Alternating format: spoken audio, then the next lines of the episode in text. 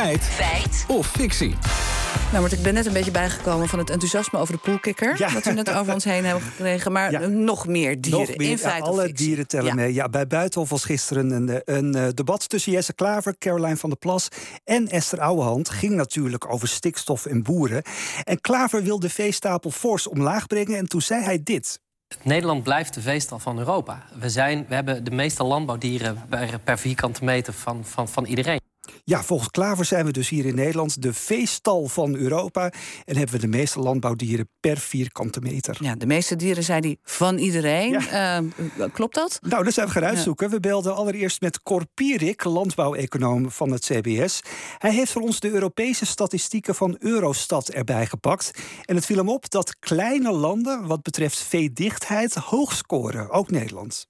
Dat is natuurlijk een klein land. Hè. En in een klein land, eh, dat zien we ook in die cijfers van Malta terug. Een klein land, als je eh, ja, eh, veel dieren hebt in een klein land, dan heb je natuurlijk automatisch ook een hele hoge veedichtheid. Ja, kleine landen zoals Malta, zoals Nederland hebben dus een hoge veedichtheid. Eh, ja, hoe bereken je dat dan? Dat, dat echt tellen, je net, we gaan dieren tellen, maar dat, dat lijkt me toch Ja, dat lastig. is best lastig. Ja. nee, we vroegen het aan Pierik. Hij legde ons uit hoe Eurostat die berekeningen precies maakt.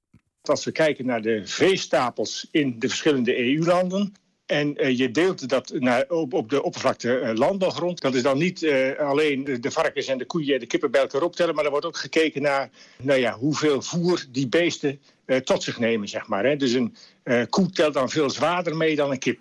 Ja, Eurostat kijkt dus naar het totale landbouwoppervlakte en naar de verschillende soorten landbouwdieren. Want ja, niet elk dier heeft bijvoorbeeld evenveel veel, eh, voer nodig. Oké, maar dan wil je natuurlijk de uitkomst van die berekeningen weten. Staat Nederland dan inderdaad op één, hè? meeste van iedereen, als het gaat om veedichtheid? Ja, daarvoor zijn we langs gegaan bij Simon Oosting, professor dierwetenschappen aan de Universiteit Wageningen. Hij zegt eerst dat er ook binnen Nederland nogal grote verschillen zijn. De, zeg maar de noordelijke provincies, de, de kleigronden, zeg maar, die hebben veel eh, koeien. Dus daar is de concentratie koeien weer heel hoog.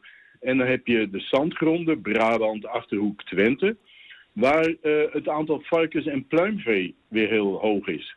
En als je die eigenlijk bij elkaar optelt, kom je erop dat eigenlijk heel Nederland wel heel dicht bevolkt is met vee. Ja, we zijn dus niet alleen dicht bevolkt met mensen, maar ook met vee. En de meeste landbouwdieren per vierkante meter van, van heel Europa, klopt dat? Nou, we hebben eerst maar eens even opgezocht hoe groot de Nederlandse veestapel precies is. Suzanne, hou je vast. We hebben volgens het CBS ruim 100 miljoen kippen, ruim 12 miljoen varkens en bijna 4 miljoen koeien.